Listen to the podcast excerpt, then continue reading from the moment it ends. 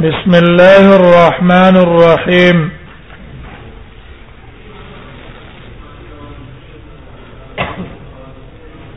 باب ما جاء ان الدعاء باب باب ما يقول اذا اذن المؤذن من الدعاء باب بیان هغه دعا کې چې سړی به وای اذا اذن المؤذن چې کله اذان وکي مؤذن من الدعاء د دعانا مؤذن چې کله اذان وکړو هغه اذان نه ورستو کومه دعا کې او یا په وخت د مکه خو په وخت د اذان کې دعا وا اوس د اذان نه رسته به کومه دعا کې د عامر ابن سعد نه روایت ته هغه د سعد ابن ابي وقاص نه روایت کړي چې رسول الله صلی الله علیه وسلم فرمایلی دی من قال حين يسمع المؤذن وای چا چې ویل حين يسمع المؤذن هغه ټیم کې چې مؤذن نه اذان واوریدو به ظاهر د حدیث شامل له سامعت يسمع المؤذن چې دا دعا چې کوم دا د هغه څوک وایي چې اذان واوریدو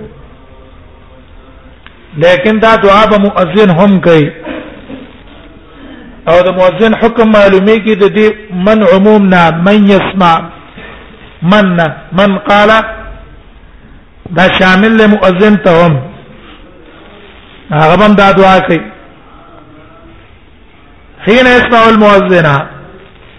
حين يؤذن کله چې اذان کوي او د ویل وانا اشهد ان لا اله الا الله وحده لا شريك له یا خدا جمله په وخت شهادت کې ویلې او یا راجح دا ده چې دا د اذان نرستو وي وجدار چې مخکې جمله کې تیر شو فقول مثل ما يقول المؤذن نو مؤذن چې بل کلمه ویل او ته دا کلمه ویل نو بل کلمه درنه پوت کیږي نو دیو جن رسپی وایا وانا اشهد ان لا اله الا الله وحده لا شريك له زګه وی ورکوم د دې خبره چې نشته حقدار د بندګۍ مگر یو الله دی لا شريك له داغه شریک نشتا وان محمدا عبده ورسوله رضيت بالله ربا زراجیم په الله باندې ربن په دې اعتبار چې زما رب ده وبال اسلام دینا او په اسلام باندې په دې اعتبار چې راز ما دین ده وبمحمد رسولا ابو محمد صلی الله علیه وسلم په دې اعتبار چې داز ما رسول له وې دی ویلا غفر له ذنوب او به بخله شي دته ګناهونه د ټول ګناهونه به الله د معاف کړي د مغفرت الذنوب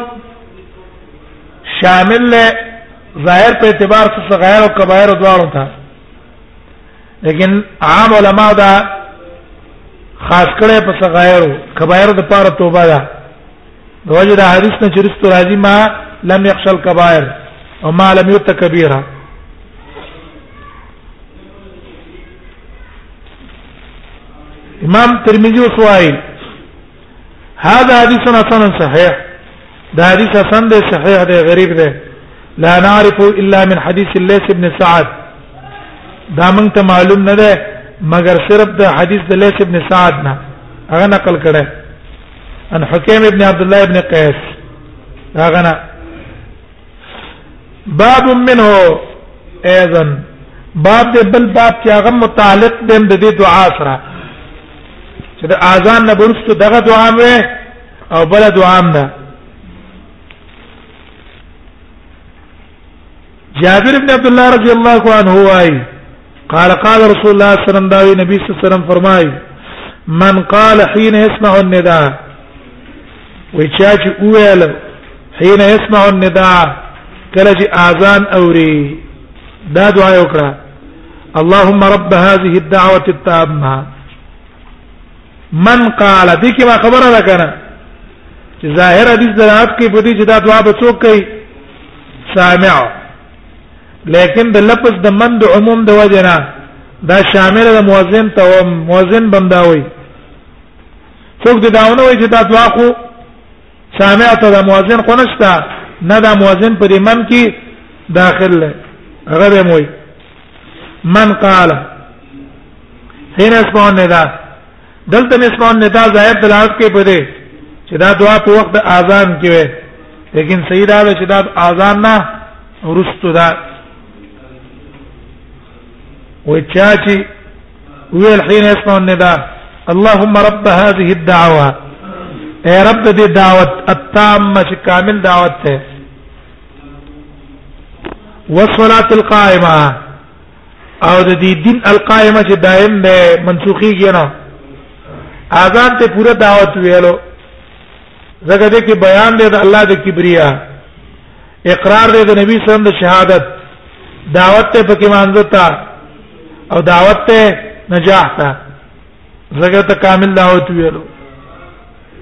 او کامل ته دی وجه نه مو ویلو چې په دې کې نقصان او زیادت ناراضي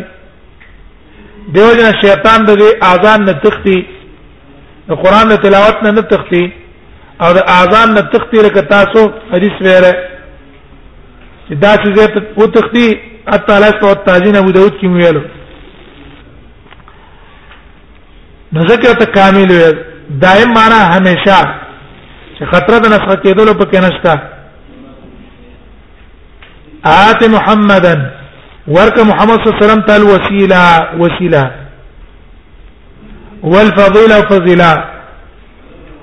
وسيله معنا صدا المنزله العاليه في الجنه او چته مرتبه ده په جنت کې چې دا صرف نبی صلی الله علیه وسلم ته الله ورکړي والفضيله نو فضيله کو یا بینهم د وسیله ده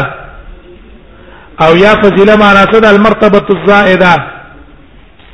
هغه مرتبه ته وی چې هغه زیتی په تمام مخلوقاتو دا ولا ورکه وګوره دا فضیلت او وسیله خاص نبی صلی الله علیه وسلم ورکړي ومنګه چې لغواړو نظم په دې غوښتو کې پیدا څه ده ابو داود کې مونږ ویلې چې یو پیدا خو پکې دا ده چې د دې سائل لپاره پکې پیدا ده چې د نبی صلی الله علیه وسلم شفاعت څه کیږي واجبېږي دله بخاله خان نبی صلی الله علیه وسلم شفاعت کوي او دیمه پیدا اظهار د شرف تر رسول الله صلی الله علیه وسلم چې خلکو کې د نبی صلی الله علیه وسلم شرافت څه شي ښکار شي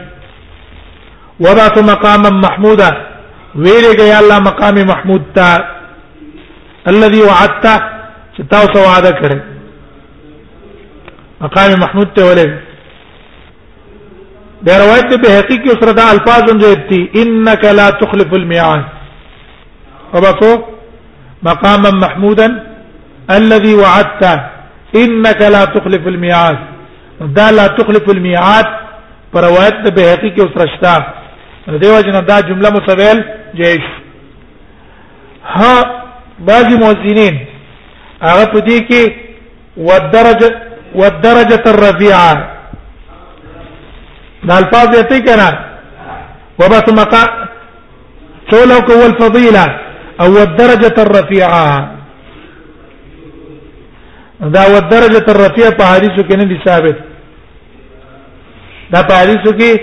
ثابت نه ده دیو جن دا الفاظ په اذان کې بدعت ده ولې دا دعا ده کنه او په دعاګانو معصورو کې به موږ د ځان نه څنګه کو زیادت به کې نه کو دا قاعده تاسو معلومه ده چې مبنا ته عبادتو په توقف ده هغه اذکار او عبادت په من کو چې من ته رسول الله صلی الله علیه وسلم خو دې لې مبنا د عبادت په توقف ده او به ورزقنا شفاعته یوم القیامه دا په کې بعضی کسان دې ته دام د ځان نه بدعت ده دا بنوي الا حلت حلت په معنا د وجبت ده مگر واجب شوه د پاره شفاعه شفاعت یوم القیامت پر ورځ د قیامت نبی صلی الله علیه وسلم به دې سړي لپاره خامخا شفاعت کوي او حلت په معنا د وجبت ده په معنا د حلالوالي نه ده ولې د رسول الله صلی الله علیه وسلم شفارس کو کافران د پاره صرف حرام ده کافران له نبی صلی الله علیه وسلم شفارس نه کوي باقي هر مؤمن له نبی صلی الله علیه وسلم څخه کوي شفاعت کوي انما نبی صلی الله علیه وسلم وایي زما شفاعت زما د امت د ګناهونو والا د پاره ده غټ ګناهونه کړی یا واړه ګناهونه کړی هغه ټول رسول الله صلی الله علیه وسلم څخه کوي شفارس وکړي نو حلت په معنا ده نزلت وجبت ته وجبت په معنا ده نزلت ته په د باندې زما شپارس نازل شو یا د پر زما شپارس واجب شو د دې عمل لوجنا یوم القیامه پر ورځ د قیامت قال ابو سعيد حديث جابر حديث حسن غريب حديث جابر حديث حسن غريب ده من حديث محمد بن المنكدر حدیث د محمد المنكدر نه ولا نعلم احدا رواه ومن تمنل معلومه او تنج روایت کړی غیر د شعیب ابن ابي حمزه نه بنقل کړه بل چانه نه نقل کړه باب ما جاء ان الدعاء لا يرد بين الاذان والاقامه بعد بیان دې کې چې د اذان او د اقامت په منځ کې دعا نه واپس کیږي بیان معنا سره دا شروع کیږي دا وخت د بین شروع کیږي بعد الاذان الى ابتداء الاقامه چې څنګه مؤذن د اذان نه فارغ شو او اقامت را شروع کړي نو د ټول وخت ته بین وای په دې ټیم کې چې کومه دعاګانې سره کوي دا دعاګانې الله نه واپس کوي ها ابو داود چې موږ څه ویلو چې مراد ته هغه دعاګانې دي چې موافق دي شرطونو سره کدا دعا استاد قطيعه الرحم نه دارنګ دعای د اسم نه ذکر رسول الله صلی الله علیه وسلم فرمای یستجاب لاحدکم یو تن دعا الله قبلی ما لم یکن باسم او قطیعه رحم چې ګناه دعا نه چې الله مال توفیق د غلا راکا مال توفیق د زنا راکا مال توفیق د بدعملی راکا دا دعاګانې الله د چا نه قبلې یا د قطیعه الرحم دعا نه یا الله خپل کی سم ورانه کاو داوکا او مال مستعجل بلار تعجیب به کنه کې بلار الله یکون من قلب غافل الله په توجه باندې دعا وغواړي چې دې شرطونو مطابق دعا وا په مابین اذان او د اقامت کې نه دا دعا الله قبلې واپس کینه وبي قال محمود قال سنا وكيع وابو الرزاق وابو الصمد وابو نعيم قالوا حدثنا سفيان بن زيد العمي عن ابي ياس معاويه بن قره عن انس بن مالك قال قال رسول الله صلى الله عليه وسلم فرمائي الدعاء لا يرد بين الاذان والاقامه ودعاء نواپس کیږي فما بين الاذان واقامت کې قال ابو سعيد حديث انس حديث حسن حديث ده انس حديث حسن ده وقد رواه ابن ساق الهمداني ابن ساق الهمداني نقل کړی ده بریدانه ابن ابي مريم نه انس عن النبي صلى الله عليه وسلم مثل هذا ما ما جاء كم فرض كم فرض الله على عباده من الصلوات وزد دین رستو امام ترمذی دلیل ذکر کوي د فرضیت د مانده د پاره وردا مونږ پرز دی او امام داود د اولنا دلیل د فرضیت راوړو به رسته داګه رسته مسائل احکام شروع کو اوس امام ترمذی فرضیت د مونږ راوړو او پس داګه د مانده ته دن نسکیږي وردا خلېږي انس ابن مالک نے روایت ہے قال فرض تعالی النبي صلى الله عليه وسلم ليله اسري به فرض کړی شو په نبی صلی الله علیه وسلم باندې ليله اسری به په هغه شپه باندې اسری به چې نبی صلی الله علیه وسلم بوتل شو یو اسراء د یو معراج به اسراء دا تل د نبی صلی الله علیه وسلم دی د بیت الله نه بیت المقدس پورې دا په قران کې ذکر دی صراحتا سبحان الذي اسرا بعبده ليلا من المسجد الحرام الى المسجد الاقصى دته اسراء وي دیم نبی صلی الله علیه وسلم تللی د بیت المقدس نه پاس اسمانونو ته هغه ته به ویل کیږي معراج هغه ته څوی معراج هغه په حدیثو کې صراحتا ثابت ده او په قران کې ته اشاره ده قران کې اشاره ده او په احادیثو کې صراحتا ذکر ده قران کې ته اشاره ده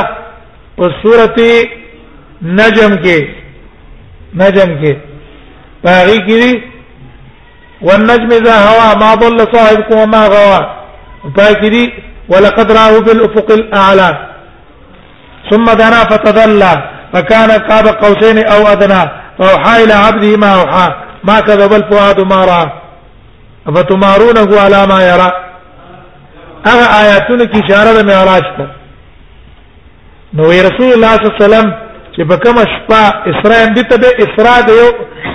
یو بل باندې ليله الاسراء متوي ليله المعراج متوي څنګه دا ډول واقع په شپه کې شي دي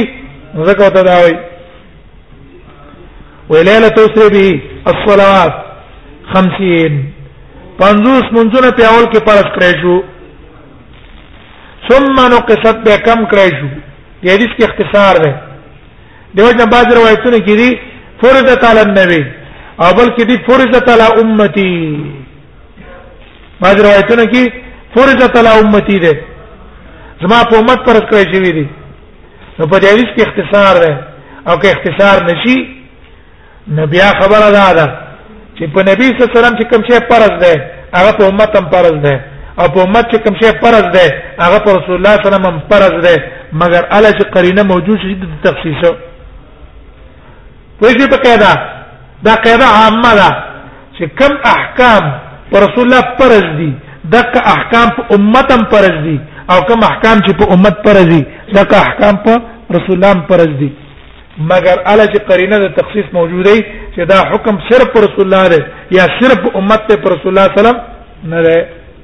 یعنی ټول په احکامو کې موجود شرک دی نو کوم دي کې چې فرضت علی یا فرضت امتی دا ډول مقصد یو دی نو یول کې 50 پر شو ثم نقصت به کم شو التفصيل بقى راشي په معراج کې چې رسول الله صلی الله علیه وسلم موسی علیه السلام تراغه موسی علیه السلام ته واپس شه نو بار بار واپس کړه دی واپس کړه دی پنځه پنځه تی کم شي وی ثم نقصت حتى جعلت خمسه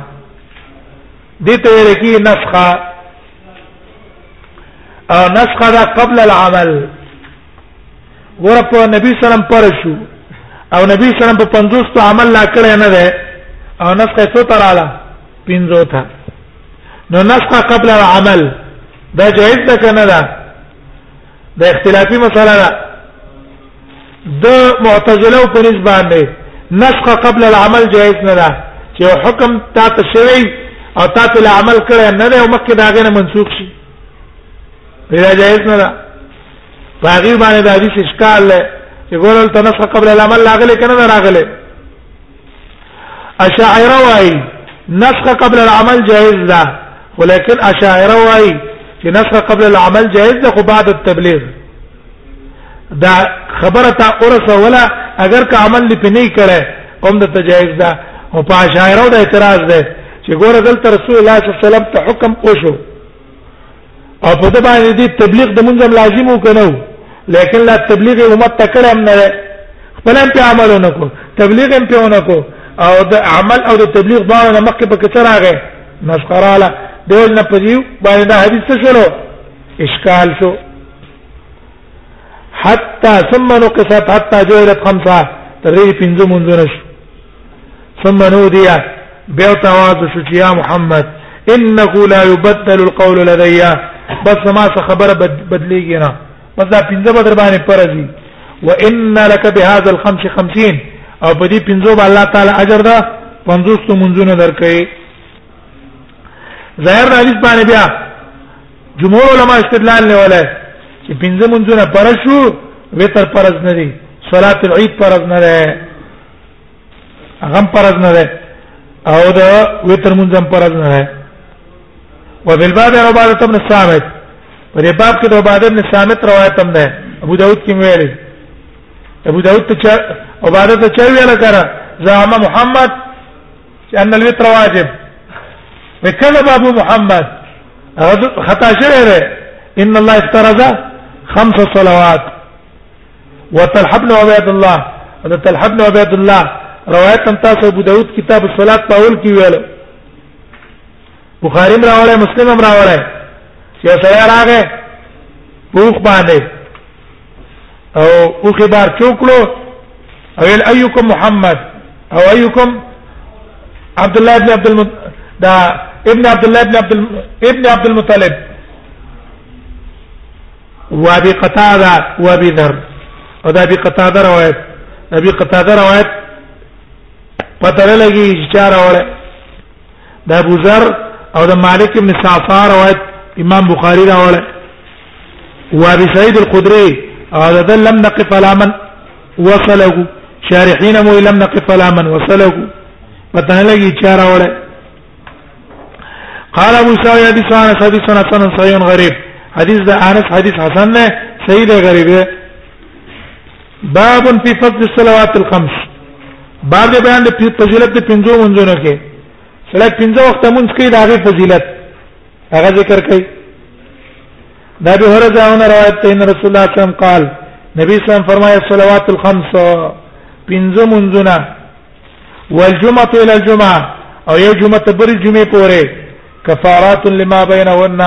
دا رجون کی د هغه ګناهونو چې دی په منځ کې دي هما لم يخشى الكبائر په شرط دې چې غټه ګناه نه کړي غټه ګناه کړي نه غټه ګناه وکړه هغه په نه راځيږي زه نه هیڅ معنا ده دا چې دې منځونو په وجه الله واړه ګناه ګناه راځي غټ ګناه په نه راځيږي غټه ګناه په تر راځيږي بالتوبه په توبه چې توبه دې داغه نه وستا نو غټه ګناه به دې پاغه الله معاف کړي هو اړه ګناهونه الله څه کوي په دې منځونو راځي علما وسوای کچرتا یو انسان وړه ګناه کړي وا نو د دې عبادت پوجا غرجيږي او که غټه ګناه کړي وا نو د دې عبادت د وجه نه رجيږي نه خو تخفيف پکې راځي څه پکې راځي تخفيف چې توبه ونه باسي او کنه وړه ګناشتا نه غټه ګناشتا او دا عبادت وکړه نو دا سبب ته لرفع درجات دی باندې انسان څه پورته کیږي درجات ته پورته کیږي هما لم يخل کبائر هر یو د معتزله مذهب دی او یو د سنت والجماعت مذهب دی د اهل سنت والجماعت مذهب دا دی چې ارتکاب د ګناه کبیره تا کړی خو بدینه کو اعمال صلی الله څخه غیر راځي څه غیر ته الله رجوي ولی د مو اهل سنت والجماعت عقیده دا ده چې مرتکب د ګناه کبیره کافر نه ده په بنه کو اعمال دا ګناه راځي او د معتزله مذهب دا ده چې مرتکب د ګناه کبیره خارجي خو ته وایي چې کافر ده خوارج مذهب څه ده کافر معتزله وینه کافر ده نه مسلمان ده دا د منسکوره ده بینه بین ده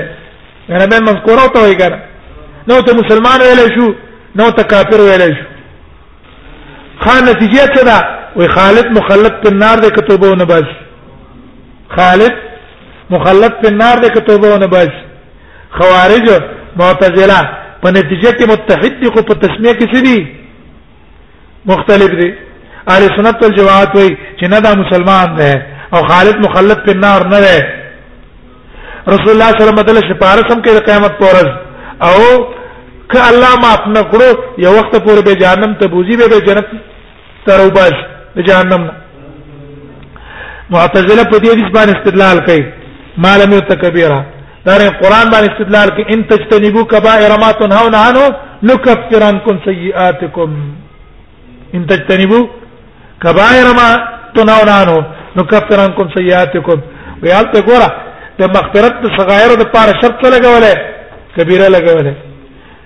اهل سنت والجماعت جواب منګو کو ما لم يخش كبيره او حدیث معنا دا ده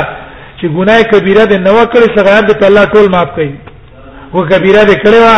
صغیره به په معاف شي او کبیره د په معاف کیږي نه تخفیف په کې راشي اما توبه باش او یا علما وايي ان تجتربوا كبائر ما تناونانو کبائر نه مراد څه دي وای کوپر به کوپر که د کفر او شرک نه ځان ساتي نو الله به دا دا نور ګناونه څه کوي معاف کوي بره ما لم یت کبیره وجرات تل کبیره ته نه کړی او بل باب وی په دې باب کې د او جابر نم روایت ته د انس نم روایت ته او د حنزله تل اسیدی نم روایت ته قال ابو سعيد حديث ابي هريره حديث حسن صحيح ده